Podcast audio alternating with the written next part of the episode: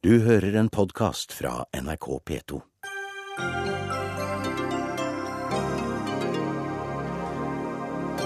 Støre med ti budet for et bedre Helse-Norge. Hjelper ikke den som sitter i helsekø, sier Frp og Høyre. Frankrike melder om seiersgang gjennom Mali. De er langt fra å løse problemene, mener Sverre Disen. Tåler noen barn mer juling? Ifølge ny rapport bør de det om de kommer fra minoritetsbakgrunn. Barneministeren svarer. Og han er mest kjent for detektiven, detektiven Kurt Wallander, som feirer 20 år i Norge. Selv er Henning Mankel mer opptatt av Afrika.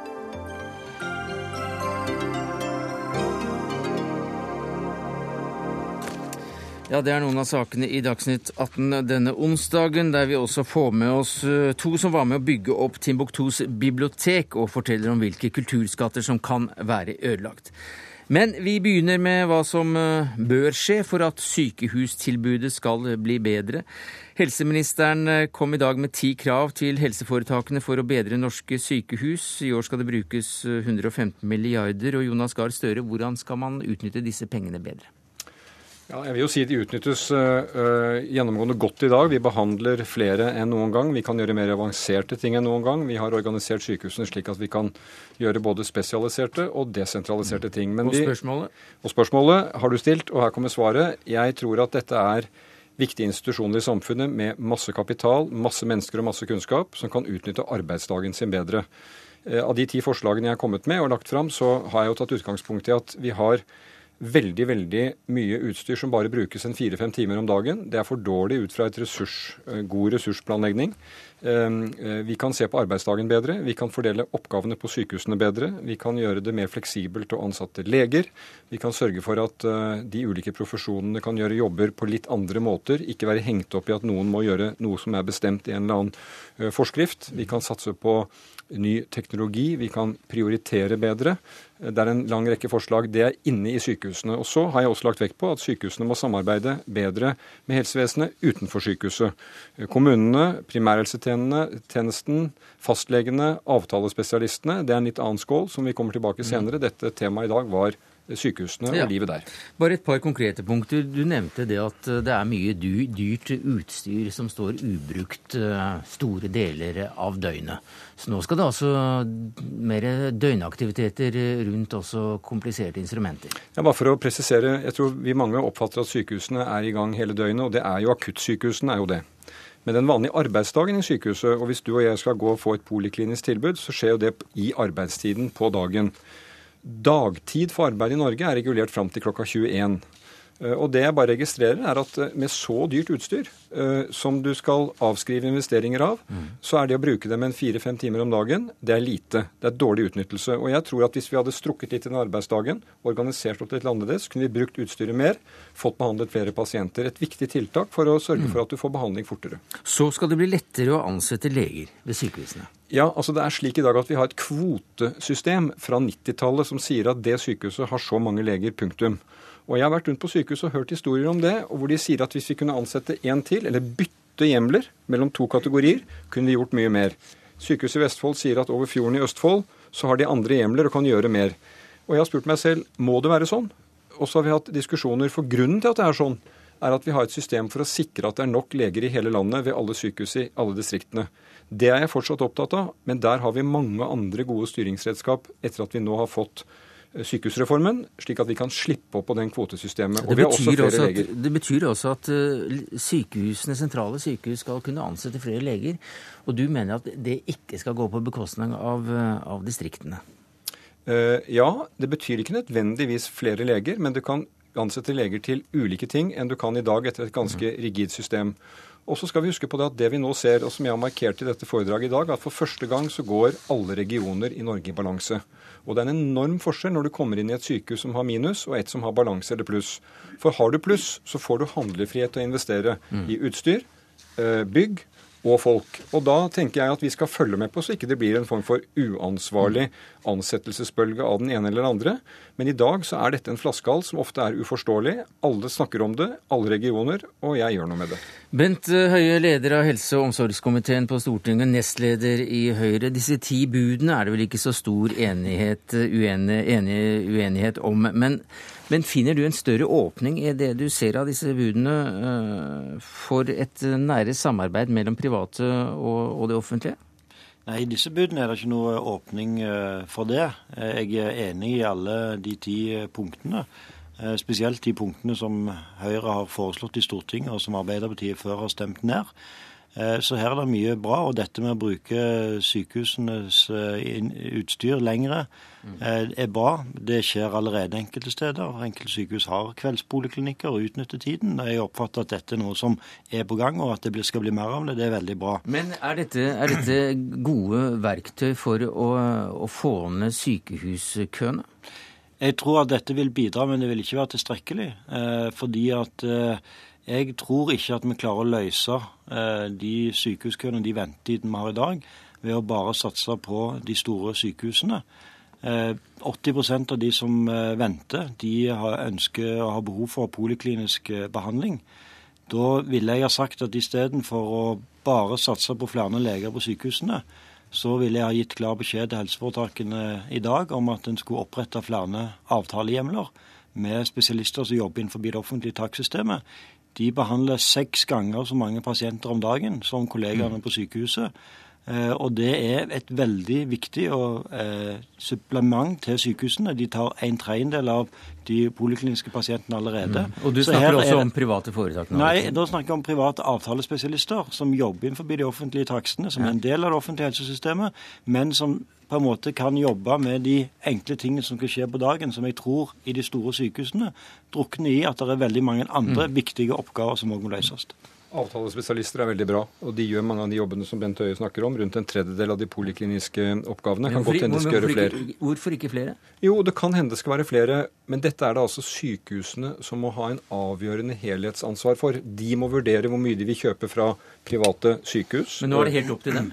Eh, de har rammer å forholde seg til. Og, ja, og de, Hvem er det som bestemmer de rammene? Ja, Det er Stortinget som bestemmer rammene. ja, Det er departementet som vel eh, jo, er med på å bestemme litt her? Det er riktig. Ja. Men så er det de regionale helseforetakene som har oversikten i sin region, mm. som, som, vurderer dette. Dette er jo ikke et fritt marked og et konkurransesituasjon som mellom to varer. Det å drive et sykehus, det å drifte et sykehus, handler om pasientbehandling. Men det handler også om tunge samfunnsoppgaver som utdanning, forskning, opplæring, akuttberedskap.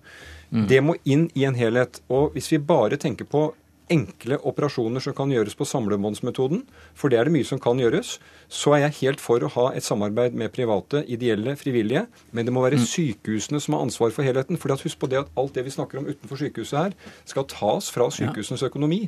Ut av sykehusene. Og jeg så det blir ikke større bevilgninger til sykehusene å bruke uh, den, disse avtalene? Nei, ikke, altså de pengene må tas et sted fra, ja. og det må komme fra sykehusrammen. Og den mener jeg vi skal bruke i samarbeid. 10% går i dag til uh, de ja. private. Men uh, jeg, jeg, merker meg at Høyre har ganske stor oppmerksomhet og omsorg for hvordan man kan hjelpe fram de private. Min hovedomsorg ligger for hvordan vi mm. kan styrke de offentlige sykehusene. Det er jo sånn at Sykehusene har fått lov til å bestemme over dette med avtalespesialister siden staten overtok i 2001. og Det har nesten ikke kommet en eneste ny hjemmel. Mens eh, når helseministeren her snakker, skulle en tro at antallet leger på sykehusene har stått i ro. Det er ikke tilfellet. Det har kommet eh, mellom 2000 og 3000 nye leger i sykehusene. Og nå, skal, nå kan det åpnes for Og Nå kommer det flere, og det er helt greit. Men jeg mener at helseministeren kunne selvfølgelig i dag som sitt eh, punkt nummer ti, eller sløyft etter det han hadde, og sagt sykehusene skal etablere flere private avtalehjemler. Dette er en billigere, raskere og bedre måte. Ikke minst så gir det desentraliserte spesialisthelsetjenester nærere der folk bor, altså helt i tråd med Samhandlingsreformen. Man har ikke elleve bud, vet du, man har ti. Kari, Kari Skjønaas Kjos, du er helsepolitisk talsperson for Frp, og du satt og hørte Støres foredrag, foredrag tidligere i dag. Hva fikk du ut av det? Nei, Det første jeg tenkte var at de som står i kø i dag, de eh, har ikke noe særlig forhåpning om å stå kortere tid i kø etter det som eh, Støre har lagt fram.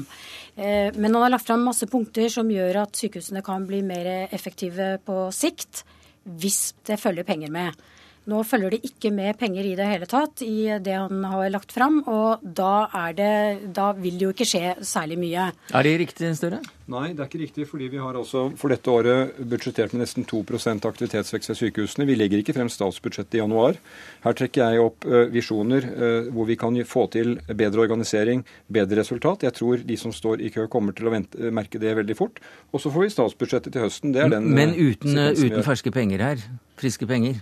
Det kommer friske penger hvert år. altså disse sykehusbudsjettene, Hvis det er noe de har gjort, så er det å vokse kraftig over årene. Eh, jeg har sagt veldig ærlig i dag jeg tror det er for mye behandling i sykehusene. Jeg tror det er overbehandling i sykehusene. Jeg tror er, eh, vi, må, vi, må, styrke den delen av helsevesenet vårt som er utenfor sykehusene, for å ta opp ting eh, tidligere. Jeg er helt sikker på at sykehusbudsjettene kommer til å øke i årene som kommer. Men hvis ikke vi klarer å rigge et forsvar for å si det sånn, mot at du som pasient må ende på sykehuset hvis du har en lidelse, mm. så blir det dårligere helse for deg og meg. Men så, men, så, men så, sa du også noe, vi må nesten videre til dette med psykiatrien. For da vi ja. snakket med deg tidligere i dag, Kjos, så sa du at da du hørte Støre nevne det å prioritere psykiatri, så hoppet du i stolen. Og hvorfor gjorde du det? Ja, altså Rus og psykiatri skal prioriteres, ja. Eh, sa Støre. Og de siste årene så har eh, regjeringen fjernet de øremerkede midlene til rus og psykiatri i kommunen.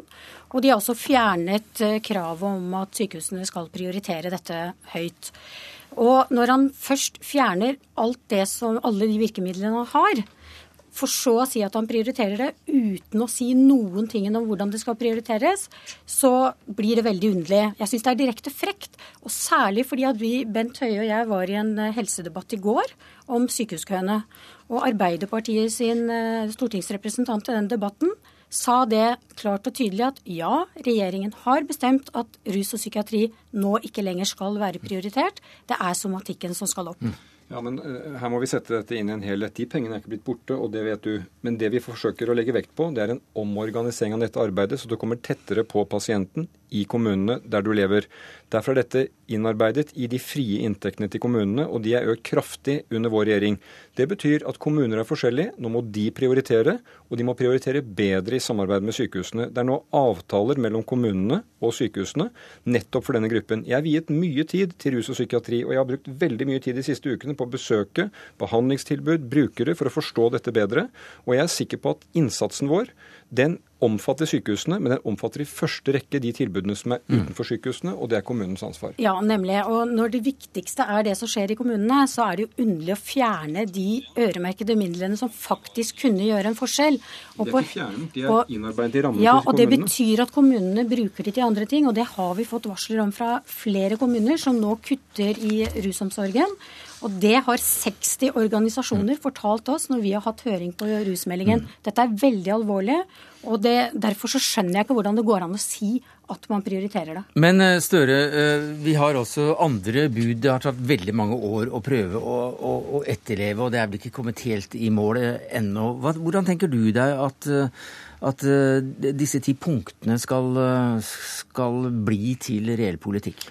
Altså, jeg er ganske fornøyd med de ti punktene. Altså, for det, det er Ja, det er, det, Du hører jo ja, det at det er flere som altså, er det her. Jeg synes at når kritikken fra andre er at uh, de er enige, så tenker jeg at da tror de enten veldig dårlig om seg selv, eller så Ja, jeg vet ikke helt hvordan jeg skal tolke det. Men dette er ti ganske presise ambisjoner for hvordan vi kan gjøre juvelen i kronen i vårt helsevesen, sykehusene, bedre. Det må gjennomføres på veldig mange nivåer og måter. Jeg undervurderer ikke kompleksiteten i dag i det. Vi har ikke noe kommandoøkonomi. Vi trykker ikke på en knapp som gir automatiske resultater. Derfor så var mitt punkt ti bedre ledelse. Vi må ha bedre og mer moderne ledelse i norske sykehus. Det henger igjen kulturer fra 100 år tilbake som vi må jobbe videre med. Så gjennom bedre ledelse, bedre samarbeid, en minister som kommer til å være tett på, så skal vi kunne gjennomføre dette skritt for skritt. Noe kommer til å kreve mer penger, noe kommer vi til å spare penger på, mm. og pasientene skal få bedre behandling. Du har i hvert fall gitt opposisjonen nå ti eh, nye muligheter til å komme i Dagsnytt 18 og se hvordan det går med helsevesenet. Takk skal du ha, Jonas Gahr Støre, helseminister Kari Kjønaas Kjos, helsepolitisk talsperson i Frp, Bent Høie, leder av helse- og omsorgskomiteen på Stortinget og nestleder i Høyre. Hør Dagsnytt 18 når du vil, på nettradio eller som podkast nrk.no – dagsnytt 18.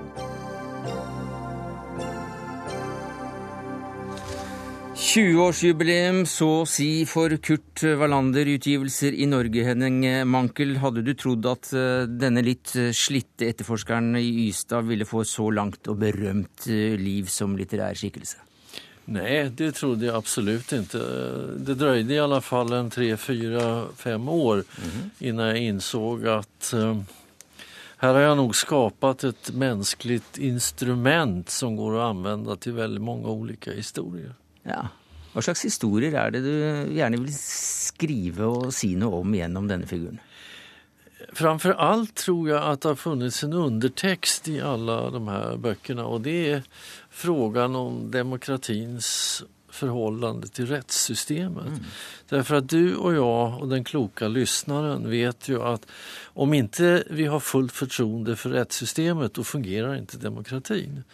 Og det er jo saker som jeg tycker har vært viktige å diskutere, og det fins hele tiden i de her berettelsene. Du står jo litt på, på kjempers skuldre, som vi sier her i Norge. Sjøvalle Valle trekkes inn som referanser stadig. Ja, altså ingen arbeider i tomrum. Man, man, inngår i en tradisjon. Og det er klart at jeg leste jo Sjøvald Valle da jeg var veldig ung. Samtidig skal man jo si at Sjøvald Valle i sin tur var jo veldig påvirket av Ed McBain, som i sin tur var mm. påvirket av Raymond Chandler, som i sin tur, osv. Så, videre, og så, videre. så at vi inngår alle i en tradisjon. Men Dette er kanskje et umulig eh, spørsmål å svare på. Men hva er, det, hva er det som gjør at denne Wallander går så inn i, i også det norske hjerterota? Jo, øh, hvorfor går det inn i ekvadorianers hjerte, vietnamesers hjerte? Mm. Jeg tror at det finnes ett svar, og det er at jeg har forsøkt å skildre en menneske som hele tiden forandres. Men det er veldig lokalt? Jo, men jeg tror at just i det lokale så kan man også se det internasjonale. Mm. Om man forsøker skrive noe internasjonalt, allment, da vil ingen lese det. Utan jeg tror just at det lokale skaper en fascinasjon. Han er ikke bare vellykket i sin Nei, og det, sitt liv. Hvilken menneske er det? Nei, det var det. Men eh, det er da et, en avis som heter The Guardian, som, som, har skrevet følgende. Glem de 40 teaterstykkene, hans gode arbeid i Afrika og arrestasjonen på Gaza-konvoien. Hva Henning Mankel virkelig er kjent for, er hans romanfigur Kurt Wallander. Det var altså ingressen da du ga ut den siste boka om eh, detektiven eh, Den urolige mannen.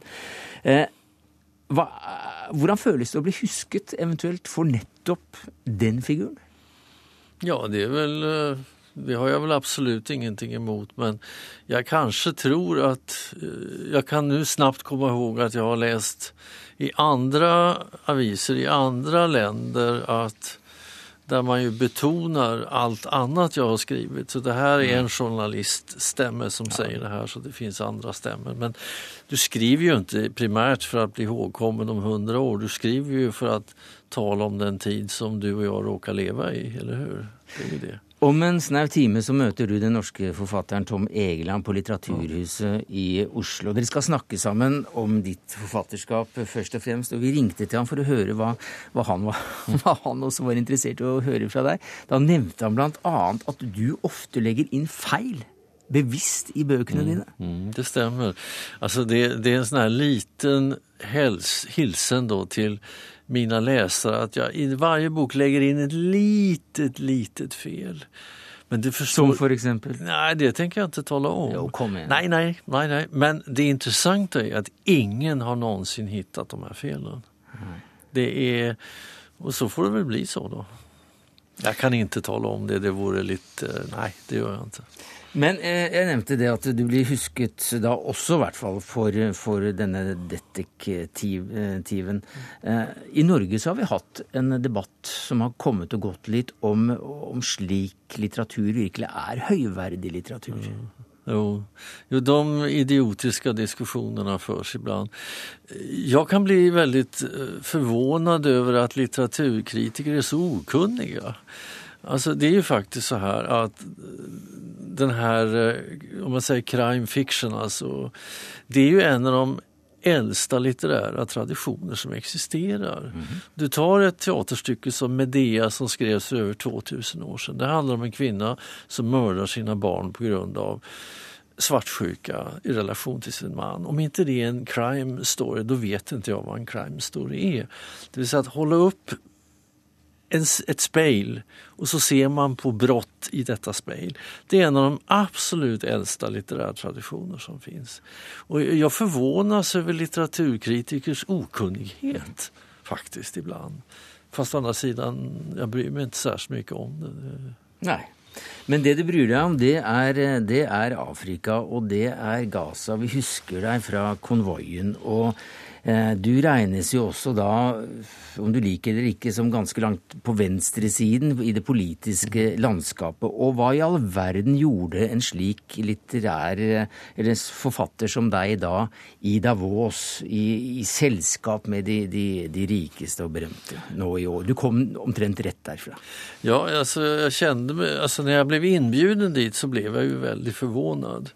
Jeg kände jo meg litt som en katt bland hermelinerna, sier man på svenska. Jeg vet ikke hva man sier på norsk. Ja, men vi sier det etter den kjente revyvisa, i hvert fall. Ja, ja, ok. Men i alle fall, så når jeg fikk vite at jeg fikk tale fritt om hva jeg ville, og, og at man hadde innbudt meg, for man visste at jeg har en veldig gjennomslagskraft, og at de forutsatte at jeg skulle tale om Afrika, da sa jeg naturligvis ja. Og jeg hadde veldig mye folk på mine sessions der. Og det ga meg samtidig en mulighet å lyssna på veldig mange andre. Men det er klart det finnes en stor paradox i dette. Der samles verdens ledere som har stelt til med den finansielle oredan. Nå samles de for å diskutere løsninger. Man setter jo altså, vargen å vakte sauene. Så det er klart at jeg var jeg er naturligvis veldig både tveksam og skeptisk til det her, men det finnes to sider av det. Det fanns noe bra også. Ja, hva var det som var Ja, det var at det føres veldig mye intelligente diskusjoner. Eh, ikke med de topplederne, men, men altså intellektuelt veldig, veldig fascinerende gestalter. Så det fanns to sider av det her. Men du har bodd i, i, lange perioder i Afrika. Du bor vel her fremdeles ja. Eh, delvis ennå? I, jeg skal åke tilbake i mars. I, eh, i Mosambik. Og, og, du har satt opp forestillinger der? Ja, på, jeg er en sorts kunstnerlig leder på den enda profesjonelle teateren. Mm. Hamlet? Kommer, men senest gjorde vi Hedda Gabler, Aha. som spilles her i Norge på Ibsenfestivalen i Skien for i høstas. Hva er forskjellen på Hedda Gabler i Mopoto og, og det vi finner på Nationaltheatret, tror du? Ja, altså det, det, er veldig enkelt. Altså, hun er jo en datter til en general. Når jeg det hadde kommet så langt, da tenkte jeg ja, men utmerket. Da låter vi hennes far være en frihetskjempe under kriget mot portugiserne. Han er død. Og her har vi datteren. Och hon har fått en Kalashnikov av sin far, inte några duellpistoler. Men hon ställer en fråga. Hon säger så här. Vi kunde befria vårt land. Hur kommer det sig att vi inte kan befria en enskild kvinna? Då fungerar Hedda Gabler. Det var fantastiskt å se hvilken forestilling det gikk å göra. Det er eh, et, eh, et sprang fra, fra Mosambik og til, eh, til, Mali. Men av afrikanske land så er det jo Mali vi er svært, svært opptatt av når det gjelder området sør for, sør for Sahara og Sahel-området. Du har vært der for ikke så lenge siden, i Timbuktu? Jeg var for jeg tror det bare to år siden. Og når jeg endelig kom til Timbuktu så och såg alltså dessa fantastiska manuskriptsamlingar som fanns där, då blev jag på gott norsk beveget. För att för mig avslöjade då en gång för alla att Afrika är en kontinent med en skriven historia. Och när jag nu förstod att de här, eh, jag vill säga galningarna som kom dit, att de började bränna det där och förstöra det här, då blev jag naturligtvis ohyggligt upprörd.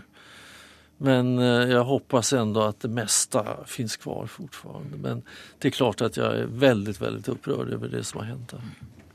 Vi har med oss eh, en kar som, som var med å bygge, eh, bygge det biblioteket som, som, du, som, du, da var og, var og så. Og her får jeg navnet inn også, for vi har nettopp fått vite at du kunne komme. Og vi er veldig glad for det, Albrecht Hoffheitz, førsteamanuensis ved Universitetet i Oslo. Vi hører Mankel også er svært bekymret for, eh, for manuskriptene, og der blir det shake hands. Eh, hvordan var det dere jobbet for å få et bibliotek i, i denne gamle ørkenbyen? Ja, altså Det er ikke helt uh, riktig at jeg har blitt uh, med på å bygge opp biblioteket. Biblioteket går tilbake til uh, 70-tallet. Det er staten Mali og Unesco som har samarbeidet og, uh, for, å, for, å, samle inn, kjøpe opp manuskriptet fra private eiere rundt omkring i Nord-Mali. Uh, for, å, for, å, bare sikre dem og gjøre dem tilgjengelige for offentligheten. Men hva, hvordan norsk, hadde du... det, norske, det norske bidraget begynte sent på 90-tallet. Du kan si Fra 98 til 2008 hadde vi et prosjekt uh, som gikk ut på å hjelpe biblioteket med å digitalisere håndskrifter, for å katalogisere dem, på å fysisk bevare dem, altså eh, konservere dem, og, eh, og gjøre dem tilgjengelige for vitenskapelig arbeid. Hvordan var det arbeidet? Ja, Det er jo meget spennende, meget spennende å kunne jobbe med manuskriptet, som har vært veldig sentralt for hele Vest-Afrikas kulturhistorie uh, i, uh, i, mange århundrer. Timbuktus uh, gullalder var på 1400- og 1500-tallet. Men det er manuskripter der som går tilbake helt til, til 1200-tallet, mm. og angivelig også noen få som er enda eldre enn det. Jeg tror at det finnes til og med noen som er fra 800-900-tallet, men det er få. Ja, altså, jeg har ikke sett dem, og det er en, litt, en viss uh, tendens av og til i offentligheten å overdrive litt. Så, så, så lenge jeg ikke har sett det, men det Men uh, Mankel, jeg må nesten takke for ja. at du kom, for nå venter en taxi. Du skal ned ja. på Litteraturhuset i Oslo, ja. og vi skal nå høre hvordan det står til med manuskriptene. Så på vei ut så får du i hvert fall, jeg håper, noen, eh, noen, noen bra nyheter om bl.a. dette vi ser nå, de som som eh, følger med oss på NRK2, i boka 'The Hidden Treasures of Timbuktu'. Historic City of Islamic Africa, så er det også eh, noen, eh, noen fotografier, fantastiske fotografier, av, av disse gamle skriftene. Hva slags skrifter er det snakk om? Ja, Det er uh, skrifter som, uh, er, som, er, knyttet til den klassiske islamske lærde tradisjonen. Den uh, kanoniske islamske vitenskap, kan du si. I praksis betyr det det er veldig mye rettsvitenskap. det er en god del medisinske skrifter. Det er litt som går over i magi. Det er astronomi og, og språkvitenskap, grammatikk. Eh, det er bøker som, eh, som, eh, som kron kronikker, historiebøker og teologi. Alt mulig som er bestanddel av den klassiske islamske kanonen i, i, i Nord- og Vest-Afrika. Det er eh, da spørsmål om, eh, om, eh, disse er bevart. Det har jo vært rykter om lenge om, om, at de kan være ødelagt og brent. Vi har sett bilder av deler av biblioteket i en forferdelig forfatning. Ingse Skattum, du er afrikanist, er det det vi kaller deg? Ja. Professor ved Universitetet i Oslo. Professor emeritus. Emeritus, ja. Men du har vært i kontakt med, med Mali i dag. Hva, hva, er det siste nytt om, ja, det dette? Siste siste nye er at som eh, min kollega Albrecht her sier, så har mediene en tendens til å overdrive. Jeg så selv på fransk TV i går eh, bilder av aldeles tomme lokaler med et lite eh, askebål, altså askerester etter et bål og tomme hylser. Og eh, historien gikk ut på at alt var brent. Ja. Så har jeg snakket med kontakter, bl.a. forfatteren av denne vakre boken om manuskriptene i Timbuktu. Og hun sier at eh, det er vanskelig å bekrefte eh, hvordan det står til, fordi eh, Timbuktu har vært uten telefonforbindelse, uten elektrisitet i rundt to uker, og den var ennå ikke kommet tilbake i dag. Men hun har allikevel hatt kontakter som mener at Eh, hun kan eh, være optimistisk, eller vi kan alle være optimistiske, fordi eh, for det første allerede i fjor vår og sommer ble de viktigste manuskriptene reddet ut. Aha. Det var jo tydelig at det var kommet jihadister til byen. Og disse uh, tuareg-familiene som har voktet på manuskriptene siden 1200-tallet, de har opplevd marokkanernes inntog på slutten av 1500-tallet og gjemt manuskriptene. De opplevde koloniherrene, de franske, da de kom på slutten av 1800-tallet. De gjemte unna manuskriptene. Og Derfor er man relativt optimistisk. Og det er jo heller ikke slik at eh, det var eh, Flertallet av manuskripter er jo fremdeles i privat eie. Man regner med kanskje 100 000 manuskripter i Timbuktu og omegn, hvorav det aldri har vært mer enn 40 000 i Ahmed Baba-senteret. Og uh, av disse er jo mange digitalisert takket være dette mm. prosjektet som Albrecht nevnte, som var et samarbeid mellom Unicef og Luxembourg og uh, Norge. Hvor jo også Universitetet i Oslo har vært sterkt ja. engasjert. Uh, men det regnes da med at det, er, at det står bedre til enn mm. man kunne frykte. Og det er ikke en eneste bekreftet melding om brann av de gamle ja. manuskriptene. Men det kan hende at er, noen er forsvunnet likevel. Ja. Og da uh, kommer ryktene med en gang. Ja. For det er mange potensielle uh, som har interesse av disse manuskriptene. Og hvor kan de da ha tatt veien? Ja, altså Maliske myndigheter har fremsatt tre hypoteser. Og den første er at jihadistene har stjålet med seg og tenker å selge dem på det åpne marked, og de får gode priser, for dette er jo uvurderlige skatter. Og eh, maliske myndigheter peker på at Qatar har vært interessert i Qatar? manuskriptene. Ja, uh, og jeg kan ikke forklare det annet enn at vi vet at både Qatar og Saudi-Arabia og til dels Egypt har støttet uh, den mest konservative retningen av islam, wahhabisme, i Mali, som tradisjonelt eh, praktiserer en sunni-versjon som er mm. iblandet animistiske elementer. Og det anses ikke for rettroende av eh, disse Midtøsten og araberne disse muslimene. Så de er fjernet fra biblioteket eventuelt for å bli tatt ja, vare altså på, men ikke vises? Ja, det er dette man ikke har fått bekreftet, ja. eftersom det ikke er telefon eller elektrisitet. Så det er eh, sånn litt mer indirekte nyheter. Men ut fra det man vet om tuaregenes respekt for eh, sine manuskripter, så vil mm. jeg tro at det meste er bevart, men så kan man tro at det kan være stjålet. Mm. Og det kan også være stjålet av lokalbefolkningen. Ja, det er klart, for det ligger jo også penger i det. Men så ofte, som du sier, så er det mm. lokalbefolkningen som er de beste beskytterne av, ja. av kulturskatter rundt omkring mm. i verden, heldigvis. Men, eh, men, hvorfor skulle jihadister være interessert i eventuelt å brenne? Altså, de er, de er muslimer, Ja, altså Når det gjelder tidligere vandalisme, f.eks. disse mausoleene av helgenene mm. for Timbuktu kalles byen med de 333 helgener. Altså Ifølge diadistene jihadistene så er all tilbedelse av helgener eh, for vantro og avgudsdyrkelse å gjøre. Kanskje kan de mene at manuskriptene kommer i samme klasse, men foreløpig er jo ikke dette bekreftet. Og de kan jo selvfølgelig ha brent noe, man vet det ikke, men foreløpig tror jeg man kan være litt optimistisk med hensyn til at de har overlevet. Ja, altså jeg har et synspunkt på det. Det, er, det blir spekulert om at de har muligens uh, attakkert manuskriptene fordi det er noe i dem som uh, går imot deres egne forestillinger om islam. Mm. Men jeg er heller eh, overbevist over at det er en akt en act of defiance, en utfordring til det internasjonale uh, samfunnet. Uh, fordi, nettopp fordi vi er så interesserte i dem. Mm.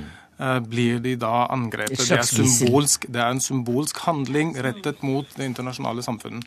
Sånn som ødeleggelsen av Bamyan-buddhaene har vært i Afghanistan for, for ti år siden.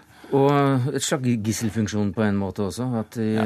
Altså, men, men, men, du, unnskyld at jeg avbryter deg, Feins, men jeg får akkurat vite nå fra, fra vaktsjefen at det kommer inn meldinger mens vi snakker om dette her, om at ødeleggelsene ikke er omfattende i det hele tatt. Ja, Det er jo det ja. vi vet, det egentlig. Det var dere, det, dere sa. Du, det tikker eh, stadig meldinger eh, inn. Eh, tikker og tikker, det var vel i Telex og tiden. Men det kommer i hvert fall andre meldinger inn, og det dreier seg om eh, mer militære operasjoner. Tidligere forsvarssjef Sverre Disen om at franske styrker rydder opprørerne av veien i den eneske, ene maliske byen etter den andre, og nå sist altså Timbuktu, som ligger helt i enden eh, mot, eh, mot, den store, store ørkenen før, eh, før, det tomme området før Algerie begynner. Eh, Gao, eh, Kidal, Timbuktu skal være gjenerobret. Hvordan leser du disse meldingene? Nei, Det syns jeg er en ganske forutsigbar eh, utvikling. Fordi når en opprørsbevegelse går bort fra en ren gerilja- og terrorstrategi og går over til å ta politisk og militær kontroll over et territorium, så gir den jo fra seg det som er geriljabevegelsens notoriske fordel, nemlig å kunne forsvinne eh, inn i et område, blande seg med sivilbefolkningen, bli borte. I stedet blir den sårbar for konvensjonell militær eh, makt, og ikke minst overlegen fransk, i dette tilfellet, teknologi. Slik at eh, det vi ser, er vel det klassiske eksempel på at en, en geriljabevegelse har en for høy ambisjon og blir eh, spredd for alle vinder av en konvensjonell overlegen militærmakt, som i sin tur likevel ikke har mulighet for å utrydde geriljaen helt og holdent. Så de kommer vel nå til å smelte bort i disse store ørkenområdene og gå tilbake til en klassisk geriljarolle, eh, klok av skade.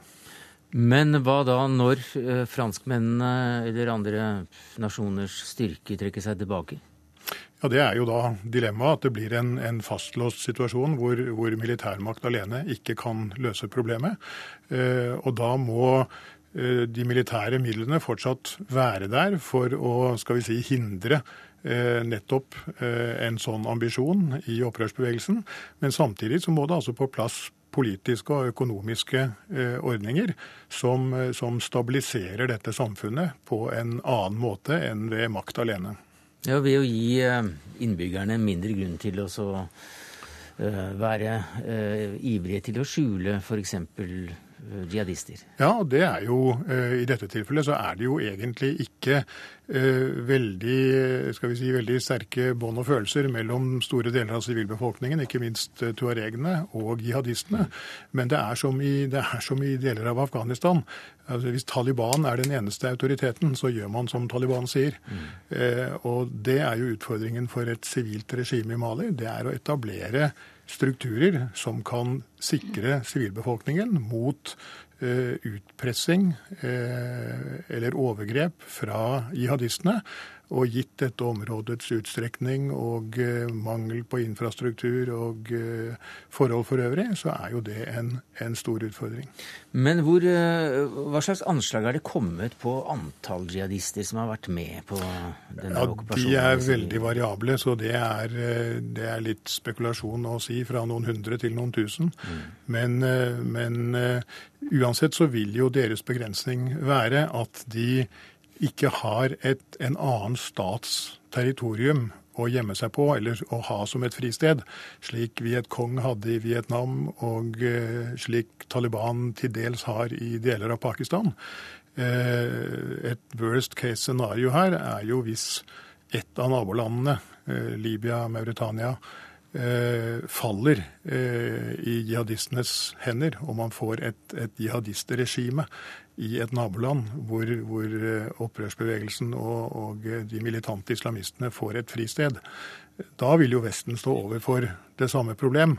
Skal vi altså intervenere og fjerne dette regimet, eh, vel vitende om hva slags problem vi da eh, tar på oss i fortsettelsen, eller hva skal vi gjøre? Så her er det jo en, skal vi si, ingen andre løsninger enn de som i beste fall tar meget lang tid.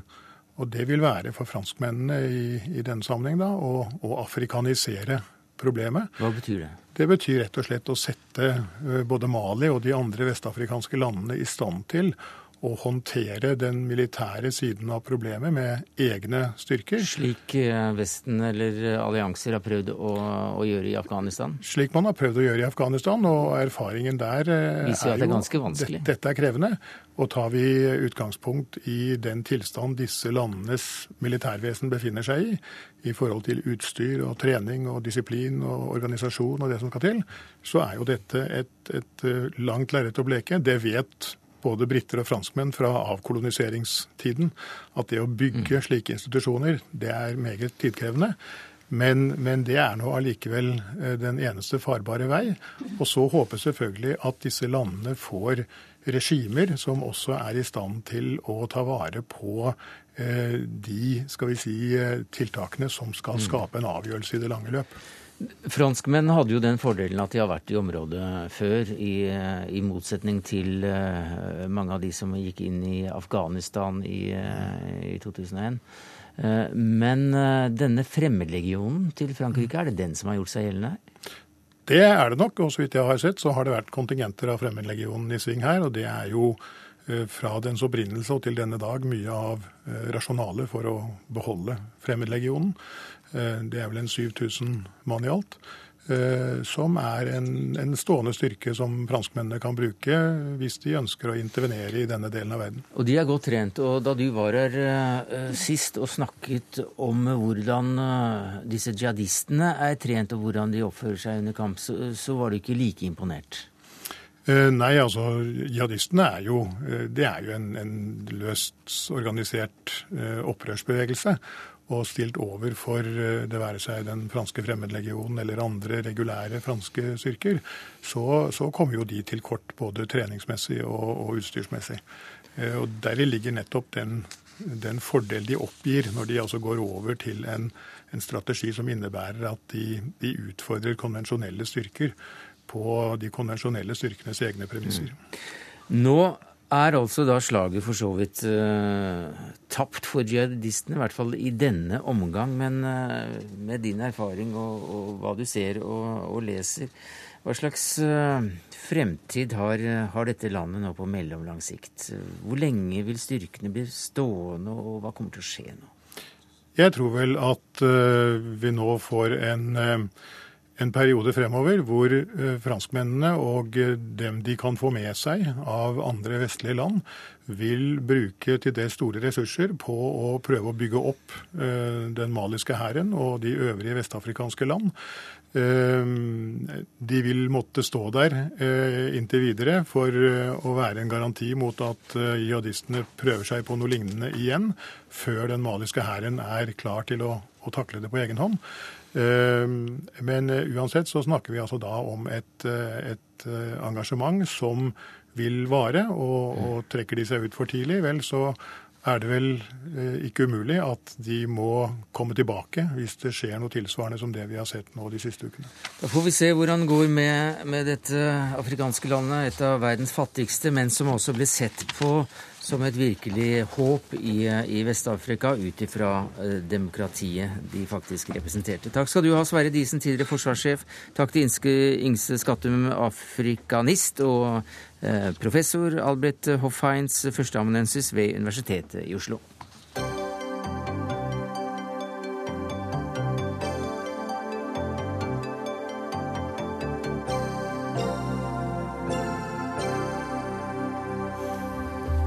Ja, Minoritetsbarn som blir utsatt for vold, får dårligere oppfølging fra barnevernet enn det norske barn får. Det viser en rapport som Redd Barna la fram i dag, og tittelen på rapporten er Tåler noen barn mer juling? Inger Johanne Aas, eh, som leder ved Primærmedisinsk verksted i Kirkens Bymisjon, så har du vært involvert i arbeidet med rapporten, og dere har bl.a. bidratt som informanter. Hvordan opplever du at holdningene til vold mot barn i familier med minoritetsbakgrunn er? Eh, holdningene tror jeg ikke er så Det er ikke noe forskjell på holdninger blant minoritetsfamilier og norske familier i forhold til vold. Alle er mot vold. Det er helt klart. Og jeg tror at eh, utgangspunktet her er hvordan vi definerer vold.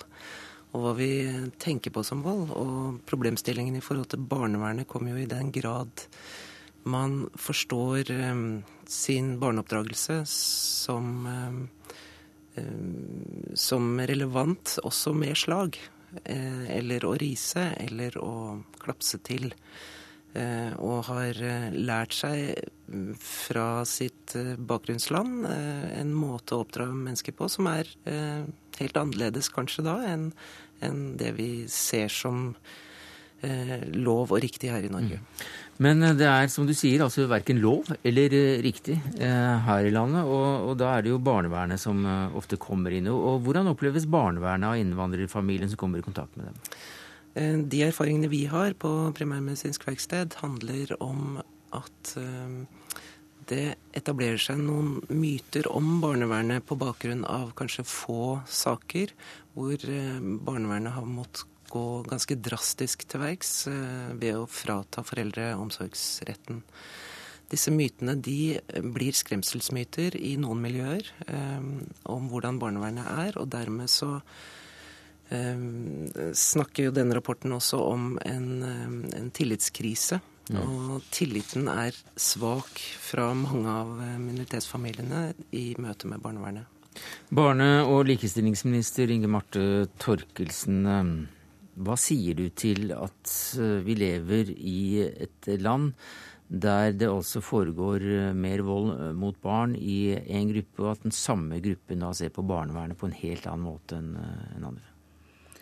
Ja, Nå vet vi ikke om det foregår mer vold. Det er jo store mørketall. Men mye tyder på at vold i oppdragelse er mer utbredt i mange minoritetsmiljøer. Og så vet vi jo at det er et tabuområde. Det er jo et minefelt i samfunnet generelt. Det er jo ikke sånn at vi heilnorske hvite liksom, har et veldig greit forhold til vold og seksuelle overgrep. Dette er et vanskelig tema for alle. Så blir det nok ekstra vanskelig tror jeg, når du legger til en kulturell dimensjon. Det er mange som er redde for å De er kanskje enda reddere for å ta feil hvis de beveger seg inn i noe som de ikke kjenner så godt. De kan være redde for å bli kalt rasister. Det kan jo brukes og misbrukes. Eller de kan tenke at ja, men de er nok vant til vold. Og derav overskriften i denne rapporten tåler noen barn mer juling enn andre barn. Og nei, det gjør de ikke. Og Derfor er det viktig for meg å si det til alle som måtte lure, og som jobber i førstelinja. De skal ikke tåle mer på vegne av andres barn enn de ville ha tålt på vegne av sine egne. Men sånn som det er i dag, så viser også rapporten at det nok da er slik. Ja, og det jobber vi med. Og noe av det vi jobber med, det er å gjøre barnevernet mer i stand til å forholde seg til flerkulturelle familier. Jeg har lyst til å trekke fram et uh, veldig effektivt virkemiddel som vi har brukt nå i noen år, og som vi fra i fjor gjorde permanent fordi det fikk så gode evalueringer.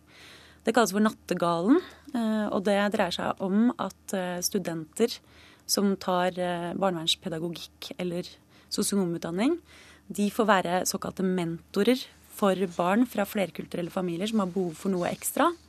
Det gjør at disse studentene lærer seg å forholde seg til minoritetsfamilier. De lærer seg ikke minst også å snakke med barn, en kjepphest som jeg har, at vi må lære også å snakke med unger. Og um, i tillegg så får disse barna uh, oppleve noe mer enn det de ellers ville gjort i livet sitt, for det er barn som er i en risikosone. Men det er altså barnevernet og kompetanse du nå snakker om? Nettopp, og det er jo kompetanse som egentlig er nøkkelen, i tillegg til at det å få vekk tabuer gjennom å snakke om vold, snakke om det som er vanskelig, ta det opp på bordet og adressere det, ikke være redd for det. Nei, for det, I det dag så må jo noen være redd for det, for informantene i denne rapporten har fortalt da om barn som blir levert tilbake til familiene, selv om det er sterk mistanke om vold. Ja, det er helt uakseptabelt. Og jeg vil gjerne få bukt med det at så mange er mer redde for å gripe inn en gang for mye enn å gripe inn en gang for lite. Men vi har jo sett hva det gjør når vi griper inn en gang for lite. Så folk må få på plass denne mentale avvergeparagrafen som Magne Raundalen og Tore Willy Mørk, som er anerkjente barnepsykologer, har snakka om. Dette er et felles ansvar som vi har alle sammen. Og da må vi forholde oss til vold og seksuelle overgrep på en annen måte enn vi gjør i dag. I dag er dette et tabubelagt felt. Det er altfor mange som blir stående alene uten støtte fra sine ledere f.eks. Og i fagmiljøer som er for små, for sårbare, og de lærer ikke nok om det på utdanningene. Og alt det har vi tenkt å gjøre noe med, og vi gjør noe med det nå. Hva sier du til det, Øyvind Hårbrekke, familie- og kulturkomiteen på Stortinget for Kristelig Folkeparti? Nei, Jeg tror vi er nødt til å erkjenne at dette er en veldig krevende problemstilling. For det første så er det jo en del av hele debatten om integrering i det norske samfunnet. Det er klart at De kulturelle utfordringene vi har her, som vi snakker om her, men kanskje der en del miljøer ikke har forståelse for eller god nok kjennskap til norsk regelverk knytta til vold mot unger. Språkutfordringer osv. handler om generelle integreringsutfordringer. Men når vi kommer inn i barnevernet, så blir det enda mer, enda mer komplisert. Det som jeg synes er viktig nå, det er at vi har fått denne rapporten på bordet som synliggjør litt mer av de utfordringene vi har diskutert en stund. Men, men det her er det gjort dybdeintervjuer med mange aktører på ulike sider av denne problemstillinga, da har vi fått opp, eh, kanskje fått mer innsikt i den før. Og det bør jo spore oss til handling. Eh, og jeg tror noe av det viktigste som rapporten peker på, det at barnevernet må gjøre mer for å skape tillit eh, i hele befolkninga, men ikke minst da, mot minoritetsmiljøer. Mm. Inger Johanne Aas, jeg må nesten avbryte deg der, jeg beklager, Håbrekke. Men uh, Inger Johanne Aas, som leder ved Primærmedisinsk verksted i Kirkens uh, Bymisjon, så jobber du også daglig uh, med å styrke kontakten mellom fagpersoner og de som faktisk trenger hjelp fra barnevernet. Ja. Hva er det du ser der? Vi jobber jo eh, for så vidt i, i stor grad sånn som Inga Marte Torkelsen her eh, beskriver som eh, nattegalene. Men da primært i forhold til foreldre. Eller voksne, voksenpersoner fra minoritetssammenhenger. Mm. Eh, og vår brobyggervirksomhet handler eh, da om å være behjelpelig, være veiledere i møte med minoritetsforeldre som på en eller annen måte har møtt barnevernet eller andre instanser i samfunnet som det som, som, ikke, som ikke er forståelig for dem, på hvilken måte de skal gå i møte med det, eller eh, hvor de ser problemstillinger som de kan bruke også. Vi har også da ansatt hos oss, eh, og frivillige som er, har egen migrasjonsbakgrunn, som eh, lettere enn oss nordmenn kan gå inn i de miljøene det gjelder, og gjøre en kulturell tolkning. Mm. det er to ting som jeg har lyst til å trekke fram også. Det ene er eh, programmer som er retta mot eh, nettopp foreldre, eh, som Ås snakker om. Eh, vi har noe som kalles for eh, International Child Development Program. De har jo alltid sånne forkortelser. ICDP heter det. Det er tatt i bruk av over 2000 sertifiserte veiledere.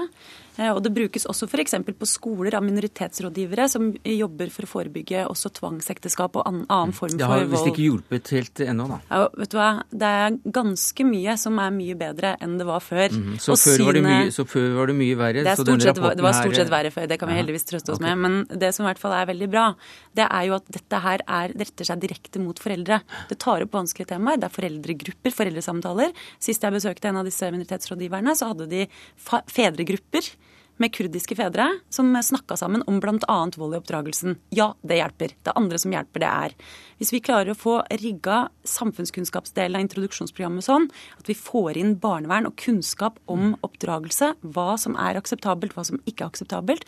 Hvordan er synet på barn i Norge i dag? Det er noe ganske annet enn det var for 20 år siden. Det har skjedd en rivende utvikling i Norge, og vi er langt foran veldig mange andre land. Og det må vi ta inn over oss og gjøre, eh, sette folk i stand til å forstå det fra første stund når de er her. Inga Marte Thorkildsen, takk skal du ha, og lykke til. Inger Johanne Aas, daglig leder av Primærmedisinsk verksted Kirkens Nødhjelp, nei, Kirkens Bymisjon, takk skal du ha.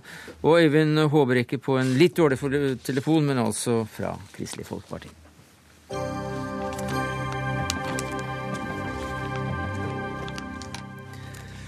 Ja, Det går en sammenhengende tråd fra fascismen på 1920-tallet via Hitler, som for øvrig kom til makten 80 år siden i dag, til Anders Behringe Breivik. Og denne sorte tråden, den, eh, det er også navnet på boka di, Øyvind Strømmen. Og den tråden, den har du fulgt. Hva er det du finner da i den andre enden av 22. juli, så å si?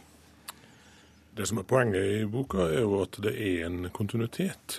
og Hvis en eh, går tilbake i tid og ser på den typen ideologi som påvirker Breivik, men også eh, finnes i høyreradikale partier rundt omkring i Europa, så vil en finne at det fremdeles eh, er elementer av en nyfascistisk idétradisjon der. Og det er partier rundt omkring i Europa som bærer på en fascistisk arv. Og det er også bevegelser som f.eks. den internettbevegelsen som han henter mye av sitt tankegods fra, som òg bærer på en eh, arv fra fascismen. Ja, Hvor langt tilbake går du da i, i europeisk historie for å finne disse, disse røttene? Det er klart, eh, I boka så starter jeg jo på 1920-tallet. Ja, det er en, en, liten henvisning til 1814 her, ja, og norske grunnloven. Jeg skriver litt om, om antisemittisme i Norge, og, og, tar i den sammenheng utgangspunkt i i 1800-tallet og, og, eh, utviklingen i forhold til norsk jødehat. Eh, men i forhold til eh, fremveksten av fascisme, så kan en jo si at noe av det har røtter tilbake på 1880-tallet, 1870-tallet i Frankrike. Men det er klart fascismen som vi gjerne kjenner den idehistorisk sett, blir jo da skrevet tilbake til Mussolini og mm. starten på det italienske fascistpartiet. Det som er mest sentralt, er jo kanskje det som skjer etter andre verdenskrig. Fordi mange eh, lever gjerne i den troa at eh, da var det på en måte slutt. Ja, for eh, du, du, sier at uh, du gjerne vil avlive en del myter om fascismen, og det er også en av dem. Nemlig at etter annen verdenskrig så var vi kvitt det. Ja, det er en av de mytene jeg ønsker å avlive. og Eh, også i Norge viser det seg at det er snakk om mer kontinuitet eh, og, enn det jeg hadde regna med når jeg begynte å, å se på, på, det. Og Den kontinuiteten er veldig grei og enkel å spore i Norge fra andre verdenskrig og fram til godt ut på 1980-tallet. Etter det så blir den svarte troen litt mer utydelig i Norge, og da må en eh, i alle fall utenfor landegrensene for å kunne følge den og for å kunne forstå den. Ja, Hva var det du fant her på, på 1980-tallet? I 1980-tallet i Norge, det som skjer er jo at eh, fra å ha høyreradikale og høyreekstreme grupper som Norsk Front og Nasjonalt Folkeparti, eh, så dukker jo da folkebevegelsen mot innvandring opp. og det, Den har en annen type røtter. Eh, der er det òg ideologiske spor, men for å finne de igjen, så må en eh, bl.a. til Frankrike. Men Øyvind Strømmen, du har jo ellers studert høyreekstremisme på nett, på blogger og på nettsider ellers, og du fikk mye anerkjennelse for den forrige boka di, det, det mørke nettet.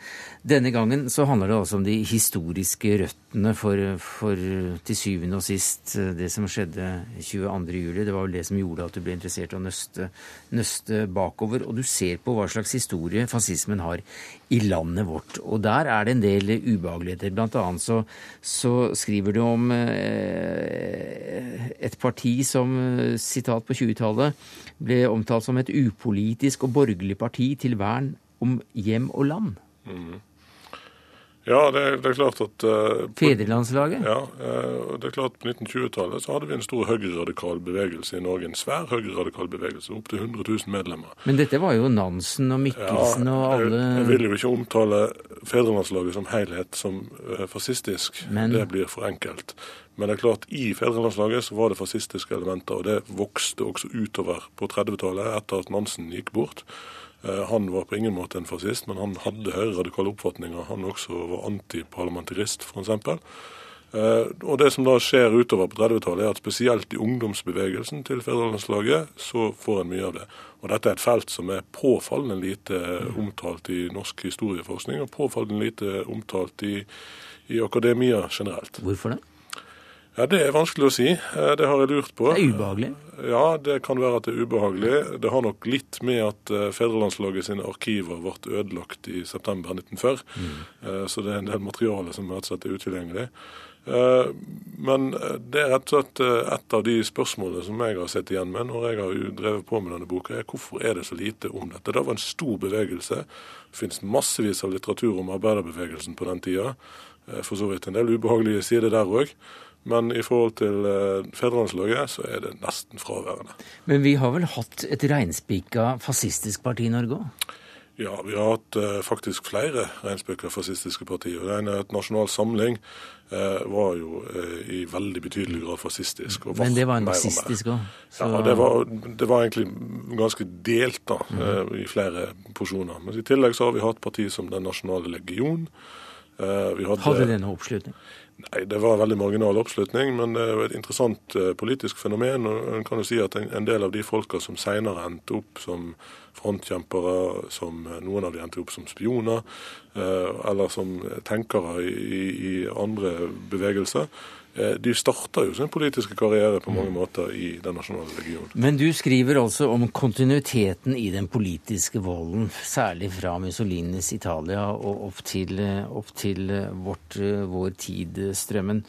Eh, og hva da med krisen i Europa? Vi har kort tid igjen, dessverre. Men framveksten av høyreradikale eller, eller fascistiske eh, bevegelser, hvordan ser du faren for det nå? Mange peker på at det er en sånn fare. Eh, det er nok litt overdrevet. Det er ingen enkel A til B-sammenheng. Det finnes en sammenheng. Men det kan òg være slik at økonomiske krisetider faktisk får folk til å heller velge politiske partier som er sterke på økonomi. Mm. Og Det er gjerne verken høyre radikale eller for den del høyreekstreme grupper noe sterk på i det hele tatt. Hva har vært mest interessant for deg når du har eh, gått igjennom eh, denne sorte tråden? Jeg vil si at Det som er mest interessant, er eh, det norske miljøet rundt avisa Folk og Land. Ja. og hvordan de faktisk i mye større grad enn det mange gjerne tror, og de som vet om de, har hatt bånd direkte til internasjonale fascistiske bevegelser da på 50- og 60-tallet. Folk og land, et eget tema i Dagsnytt 18 en annen gang. Øyvind Strømmen, forfatter av Den sorte tråden, takk skal du ha. Det var det vi rakk i Dagsnytt 18 denne onsdagen. Ansvarlig for sendinga var Dag Dørum. Det tekniske ansvaret hadde Beate Haugtrø. Jeg heter Sverre Tom Radøy.